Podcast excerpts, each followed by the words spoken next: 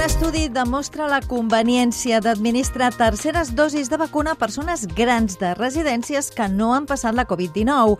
La recerca liderada per IRSI Caixa i per l'atenció primària de la metropolitana nord de l'IX conclou que els més grans de 65 anys que viuen en residències vacunats amb pauta completa però que no han passat la malaltia tenen nivells d'anticossos molt baixos tres mesos després de rebre la segona dosi.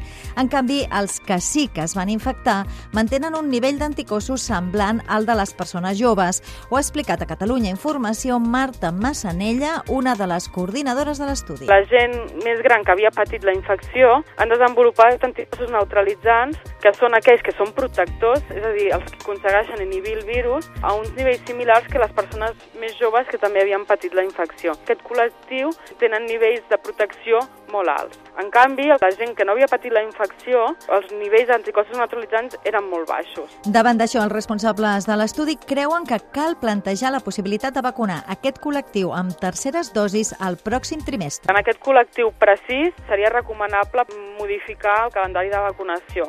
Per aquesta gent gran que no s'ha infectat però que ja porta les dues pautes, aquesta jo crec que seria un col·lectiu bastant prioritari. Potser hauria de ser ja de cara al trimestre que ve, perquè són el col·lectiu que ara mateix que s'està infectant i que té més possibilitats de desenvolupar un Covid greu. Els resultats d'immunitat obtinguts al laboratori quadren, a més, amb les dades de l'atenció primària.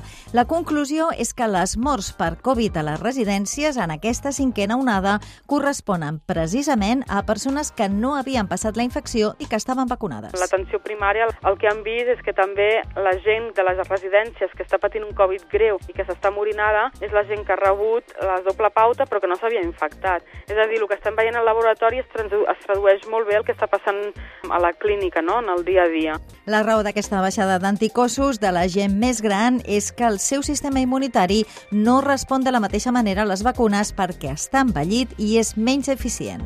Les persones més grans tenen un sistema immunitari que està més envellit, per tant, podrien tenir respostes immunes a la vacuna molt menys eficaces. L'estudi fet amb el suport de la iniciativa solidària Jo en Corono i la Fundació Glòria Soler també mostra la necessitat de fer un seguiment constant de la resposta immunitària d'aquest col·lectiu vulnerable.